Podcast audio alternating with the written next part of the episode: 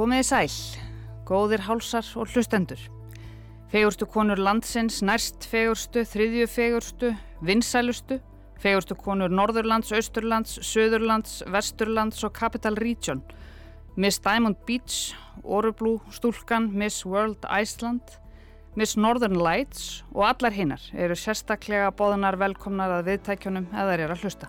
Fegurðarsamkeppnir, þessar alvöru fegurðarsamkeppnir, ekki hver fær flesta fylgjendur eða like á eitthvað Instagram-dót, eru sannlega ekki eins stórt mál og þær voru hér í einatíð en þær eru heldur betur enn til staðar.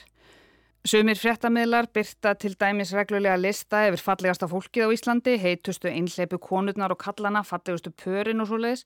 Þetta er nefnilega mikið lesið og ekki leiðist fólki, þessu fólki sem hefur ekki hampað tittlum eins og ég las upp hér að ofan, að fyrsa nú og sveia yfir alvöru fjóðarsamkeppnum innan gæsalappa, þessum sem er stundum kallað tímaskekkja.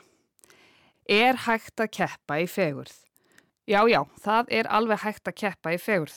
Við erum öruglega með þess að sjálfa gera það reglulega, meðvitað eða ómeðvitað, við fáum bara ekkert fyrir það. Við fáum engar ókipis útlandaferðir, kort í rættina, sokkaböksur eða gjafabrjöf. En skipulegjendur fegurðarsamkeppna hafa líka lagt mikið upp úr því að konurnar séu ekki bara fallegar, þær eru líka klárar og góðar manneskjur. Sumar keppnir eru meira segja með einhvers konar hæfileika senu þar sem konurnar leika listir sínar, þær spila á píano, í galakjólum, syngja, í sundbólum eða steppdansa í bygginni. Þær eru meira en bara fallegt andlit og orublúleikir. Við höfum sem þjóð ekki bara einu sinni ekki, tvísvar ekki, þrísvar heldur fjórum sinnum átt fegurstu konur heimsins. En ég heiti Sunna Valgeradóttir og ég hef um sjón með fréttaskýringa þættinum þetta helst hérna á rás 1. Í dag ætlum ég ekki að fjalla um skilgreiningar, innræti, gáfur eða hjartalag. Þátturinn fjallar um það sem er skilgreint af ungfrú alheimi, fegurð og keppnirnar í henni.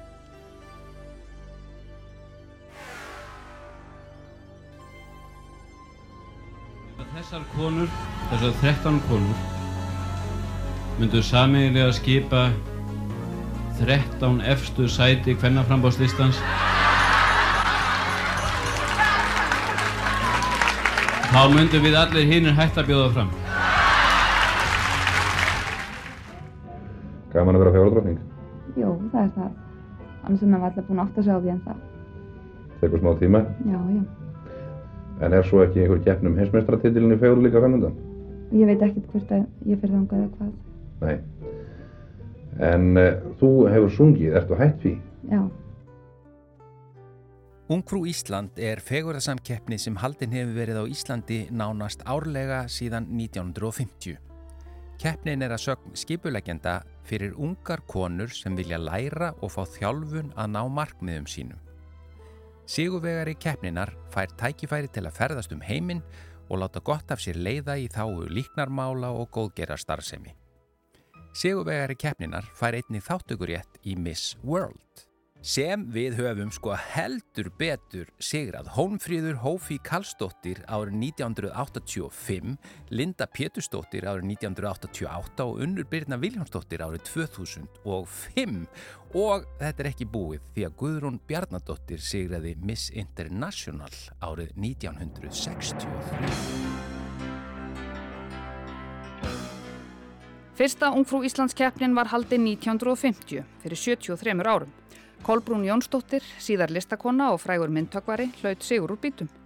Keppnirnar hafa verið haldnar nær óslitið síðan þá og alla jafna vakið mikla aðtegli. Þetta var, leifið ég mér að segja, stærra en Eurovision á tímabili, að minnst ákosti fyrir Gleðibokkan. En það var svo núna bara á miðugudaginn í síðustu viku sem Ungfrú Ísland 2023 var haldin í Gamla bíó. Það hafa verið alls konar tilfæringar með þessa keppni undan farin ár, þar hafa skipt um eigendur og nöfn og mér skilst að þetta sé áttunda keppnin en samt svo fyrsta sem heitir Ungfrú Ísland en hún hétt áður Miss Universe Æsland. Ég skil þetta sjálf ekki alveg, ég kafa kannski aðeins betur ofan í skjölinn og samningana við konurnar og allt það í öðrum þætti. Ladies and gentlemen, welcome to our national finals of Ungfrú Ísland 2023. Going into the journey of Miss Universe Iceland is something I would not have been able to predict the outcome of. I will always be proud that I was given the opportunity of being able to represent my country on an international scale, and that is all thanks to the Miss Universe Iceland organization and sponsors. I could not believe it when I received the news that I would be able to go to Miami a month in advance to prepare for the competition, especially with the volcano brewing around the corner and an epidemic raging. But the common saying that was not an exception to this wonderful journey. I can only compare hearing my name being called up to the stage to become the next Miss Universe Iceland to a fairy tale. Time stood still during the coronation, and yet it was over before I knew it. This year has been filled with immense growth as a person and so many wonderful memories that I will cherish forever. And I can confidently say that the highlight of the journey has been all the beautiful connections that were created along the way. The road trip was of special aviation style and I got to drag Þessu var öllu á vísi.is og ég fæ hljóðbrotin lánu þaðan. Það er held ég ennþá hægt að nálgast keppnina í heild á síðunni þeirra. En það var hún Lilja Sif Pétursdóttir sem sigraði keppnina og verður verðugur fulltrúi þjóðarinnar í alheims keppninni í november. Lilja er betur þekkt sem Miss Capital Region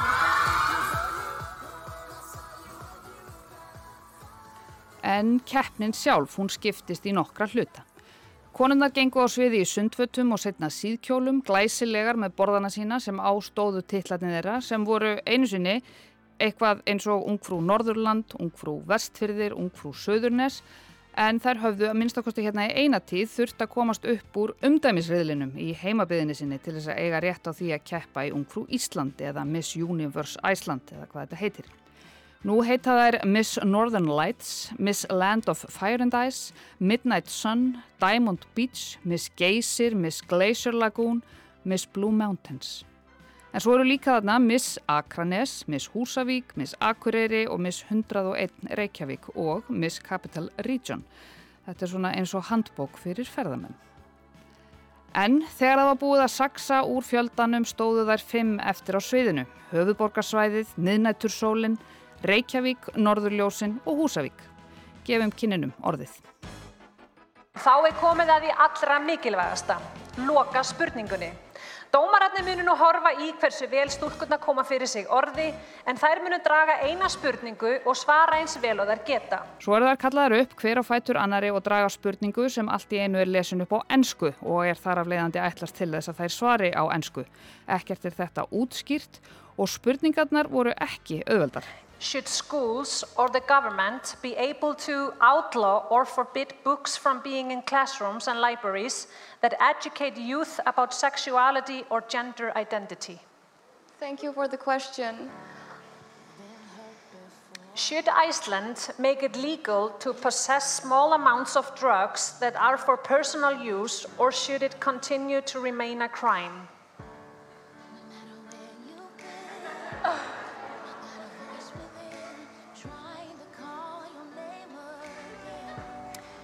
Should social media influencers be required to label or add a caption to videos or photos they publish that are re retouched or filtered? Statistics reflect that one in four women in Iceland experience rape or sexual assault. What are your recommendations to address violence against women in our country? Þarna var sem sé verið að spyrja keppendurna sem stóðu á sviðinu í pinnahælum undir grillandi flóðljósum í beitni útsendingu í adrenalínrússi eftir langt líkamsrektar, matar, brennslu, brungu, kvítunar, lakk, tímabil hvort við ættum að afklæpavæða neysluskamta, banna vissar bækur í skólum, hvort áhrifavaldar ættu að vera skikkaðir til þess að merkja filteraðar myndir af sér og svo ætti einn að koma með lausnina á ofbeldi gegn konum á ennsku. Ég skauðst aðeins á neti til þess að finna þessar spurningar spurðar í eðlilegu og réttu samhengi og ég fann það loksins. We want to give each of you a couple of minutes to make your case. And Chris, you're up first. Again, your answer to the question, should certain books be banned in school, is yes. Tell us why. Yeah, I'd like to clarify even right off the bat the prompt, should certain books ever That brings us now to you, Yasha Monk. Yasha, your answer to the question, should certain books be banned in school, is a no. Please tell us why. It is no. Look, I have some obvious points of agreement. Þarna heyrðu við brott úr þættinum Open to Debate þar sem bladamæður fær til sín gáða fólk til þess að ræða umdelt mál eins og bókabönn í skólum.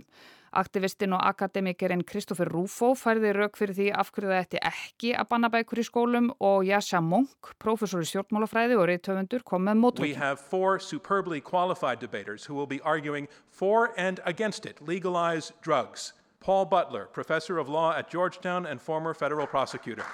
His partner, Nick Gillespie, editor in chief of Reason.com and Reason TV. Asa Hutchinson, CEO of the Hutchinson Group and former administrator of the Drug Enforcement Administration. Theodore Dalrymple, a retired prison doctor, now a fellow at the Manhattan Institute. Þarna voru aðrir vel læriður og gáfaðir menn að ræða hvort að það ætti að lögleiða fíknefni. En hvernig eigum við að stöðva samfélagsmeinnið ofbeldi gegn konum? Það var svolítið djúft á því en vef síðan waf.org, violenceagainstwomen.org var með lausn. Eðlilega, þetta eru samtök sem snúast um einmitt það. Projects that make sure women and girls can travel safely to school and work. Train teachers and health workers to identify risks and warning signs. And map essential service providers to create a response when the risk of violence arises can all make a difference. Integrating violence prevention and response into World Bank projects allows women and girls to fully participate in society, positively impacting their communities, not just for their generation, but for every generation to come. Það var farið aðeins yfir þessar spurningar í fegurðarsamkeppninni á samfélagsmiðlum og líka í bítinu á bylgjunni. Fólk ímist Jésúsaði sig yfir því að það væri spurt á ennsku og tittlunum sem konurnar bera, spurningunum sjálfum eða svörum keppendana. Það er alltaf hægt að Jésúsa sig yfir fegu. Ætli það hafi ekki verið smá Jésúsun í þessum helst þætti um fegurðarsamkeppnir sem er nú einmitt að ljúka. Hvað segir þetta búið? Já. Þið miður. Hvað er þið með hérna í bókum? Ímistátt. Jólina hugrunar. Og þið bara að fara heim það? Nei, nei, við erum að austur, já. Fá okkur pizzi, sagði ykkur? Já, pizza. Eru þið búin að borða bara hálft fram að keppni?